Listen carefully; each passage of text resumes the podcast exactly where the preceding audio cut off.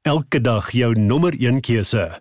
Radio Deugerberg 104 FM. Ek gesels vandag weer met Dr. François Swart, pastorale en kliniese terapeut en ons pak lewenskwessies sommer kaalvuis aan want ons wil eintlik vir jou help en in die proses help ek myself eintlik ook om by 'n punt te kom waar ek kan sê ek kies lewe.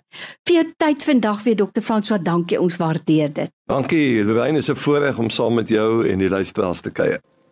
Dr. François, ek gesels in die week met iemand wat vir my sê die pa en ma is geskei en die tienerseun woon by die pa in die huis. En die pa is baie lief om vir mense te sê ek en my beste pel woon nou saam en dit is so lekker en is wonderlik en dis fantasties. Ek dink ook dis baie goed as hulle so goeie verhouding het.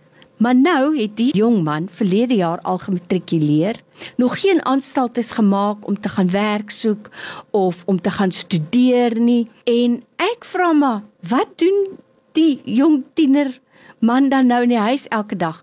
Hy speel speletjies. Hy speel games. Jy weet hulle speel dit mos op die TV en op hulle fone en so aan. En dit het my toe dadelik laat terugdink aan die geval wat ek ook nou onlangs van gehoor het dat die klein seentjie wat nog in die speelskootjie is en half 11 in die aand nog rondhardloop en skree en te kere gaan en nie tot rus kan kom nie. En in albei gevalle het ek skielik net besef daar is 'n gebrek aan dissipline. So uit liefde wil ek vir my kind sê, "Jong, jy kan nou speel hier in die voortuin. Jy kan nou, ek gaan jou glad nie inperk nie want ek het jou so lief." Al is hier nou 'n groot hoofweg hier wat by ons tuin verbyloop met duisende motors wat op en af ry. Nou is hy heining nie, maar ek het jou te lief om jou teen te gaan. Jy kan maar lekker speel. Sal dit verantwoordelik wees van my as 'n ouer? Waar begin en eindig dissipline in liefde? Ek dink dis 'n wonderlike metafoor en beeld wat jy gebruik van die besige pad voor en ag jy wil nou vir die kind vryheid gee en speel nou maar lekker hier in die voortuin maar jy weet daar kan enigiets verkeerd loop die kind dink nie eens aan al die gevaar nie. En ek dink dit is die groot ding wat ons doen rondom ons slaapgewoontes. As 'n mens 'n paar jare terug gaan toe ons mense nog op kersse en die tipe goed was. Ek praat van baie jare gelede. Ons het so saam met die son het ons gelewe. Mm. Ons moet weer daarna gaan kyk. Ons het nou elektrisiteit stories, ons het nou load shedding wat ook alles beïnvloed.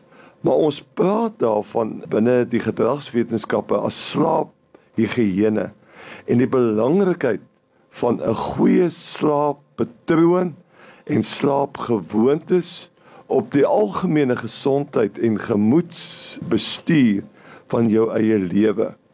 Geestesgesondheid gaan ook baie sterk gepaard met slaaphigiëne. Mm. En ons weet in die verskillende ouderdomsgroepe, die navorsing is gedoen dat kleiner oudjies moet langer as 10, 12 ure slaap. En soos wat jy ouer word, definitief na 10 ure en dan word dit na 8 ure. Selfs ons senior mense al is daar so breek hier by 4 uur. Probeer so 'n halfuurtjie lees, maar kyk of jy dit nog 'n stukkie slaap kan inkry. Dis baie belangrik dat jy 8 ure se slaap mm. inkry. As jy dit nie gaan kry nie, dan begin jy jou innerlike wekker wat werk met jou slaappatroon affekteer.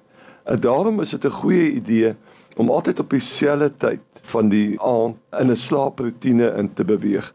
'n Mens met 'n rustige raak, jy drink gewoonlik jou laaste vloeistowwe is so 2 ure voordat jy gaan slaap en 'n goeie tyd is om so tussen 10 en 11 te gaan slaap.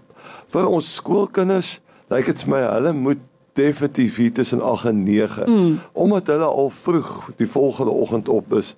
Dan moet hulle in die bed wees. Veral ons kleiner oudjies, anders te word die dag net eenvoudig vir hulle te lank. En daarom is dit vir my verbasend baie keer dat ek sien op plekke dat klein klein kindertjies in restaurante nog 9 uur saam met mm. hulle ouers sit. Mm.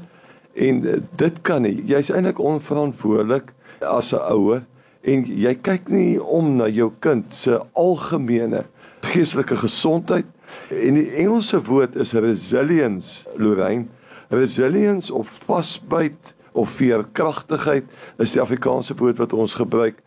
Jou kind word moeg, hulle hulle met 'n klomp werk doen by die skool, maar omdat jy nie gedissiplineerd is as ouer om jou kind se roetines rondom sy slaappatroon gefestig te hou nie, kry jou kind éventueel ook swaar met sy skoolwerk.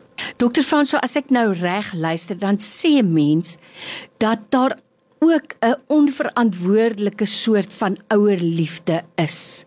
'n Ouerliefde wat net wil paai en lief hê, maar nie ook wil dissiplineer nie. Maar dit is tog mos nou nie die voorbeeld wat God vir ons stel nie, nie waar nie. En ek vra nou die vraag wat Dr. François is 'n pastorale en 'n kliniese terapeut. So dis wat dit vir my so lekker maak dat ons ook as gelowiges na hierdie saak kan kyk vanuit daai perspektief. Ja, ek dink uh, dit is baie belangrik. Ons as gelowiges het 'n bepaalde ritme. En ons weet ons het 'n verantwoordelikheid. Ons het 'n verantwoordelikheid ook ten opsigte van onsself. Jy moet jou naaste lief hê soos jouself. Dis my wonderlik daai gedeelte in die Bybel dat Jesus sê jy moet die Here jou God lief hê, jy moet jou naaste lief hê en dan die vergelykingskonstruksie soos jouself. En daarom dink ek dis baie belangrik dat jy op 'n verantwoordelike manier met die basiese goedes in jou lewe omgaan. En een van hulle is jou slaappatroon. Die tweede een is wat jy eet. Die derde is waarna jy kyk, veral op televisie. Mm. Jy moet weet ek moet gedissiplineerd wees en nie alles wat ek in my mond sit is noodwendig gesond nie. Nie alles wat ek na kyk is noodwendig dit wat die Here wil hê dat mm. ek moet doen nie. So ek kyk anders na dissipline. Kyk heeltemal anders en ek sien dissipline en ek wil graag by jou mooi metafoor in die begin wil ek uh, mee afsluit Ek dink net dit is onverantwoordelik om 'n cool ouer te wees en te dink dit is maar goed dat ek my kind laat speel langs 'n besige hoofweg want ag die engele sal na hom kyk. Daar gaan niks snaaks gebeur nie. Terwyl 'n klein kindjie eh, het nog nie al die wysheid oor al die gevare rondom nie. Dis ons moet altyd onthou as gelowiges is ons altyd verantwoordbaar.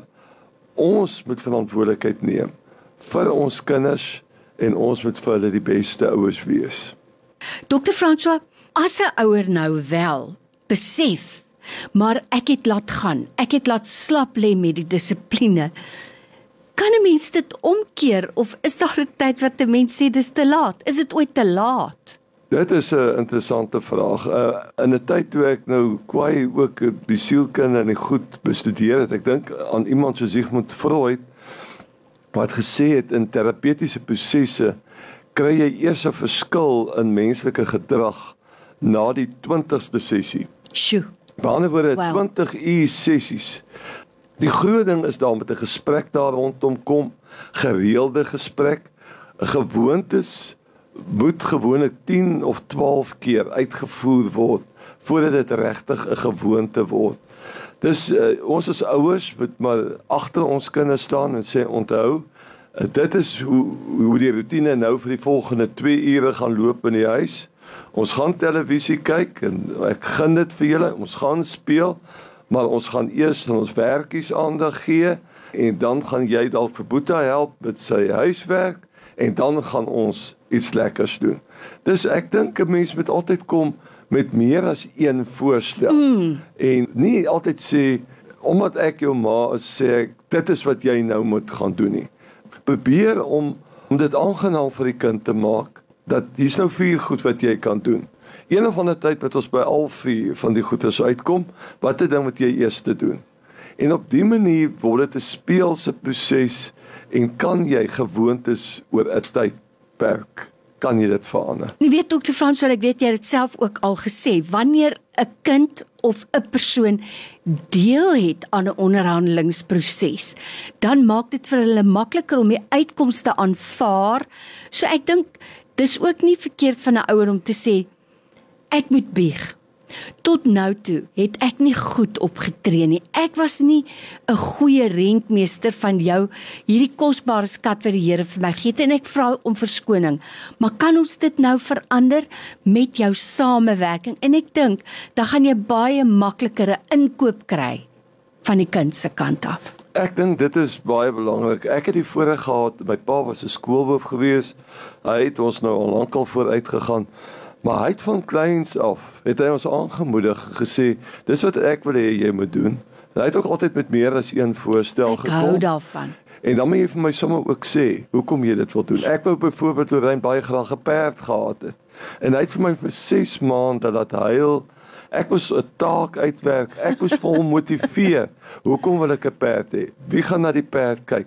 Hy het net vrae gevra en gesê bly by jou standpunt, maar ek gaan nou vir jou 'n paar vragies vra en dan gee vir die kind 'n bietjie meer konteks. Wat is die implikasies as jy hierdie rigting ingaan? En dan word dit 'n gesprek en jy leer eintlik vir die kind ook wysheid van kleins af. En ek dink as 'n kind besef perd se tande moet gevou word, sy skoene moet afgehaal en vervang word, dat jy sien hierdie het verander in 'n nagmerrie.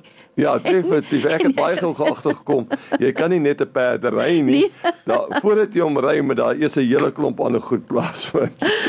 Soos altyd Dr. François, dit was heerlik. Baie dankie. Ons gesels volgende keer weer. Groetnis aan al die luisteraars. Jy is ingeskakel op Radio Deigerberg 104 FM.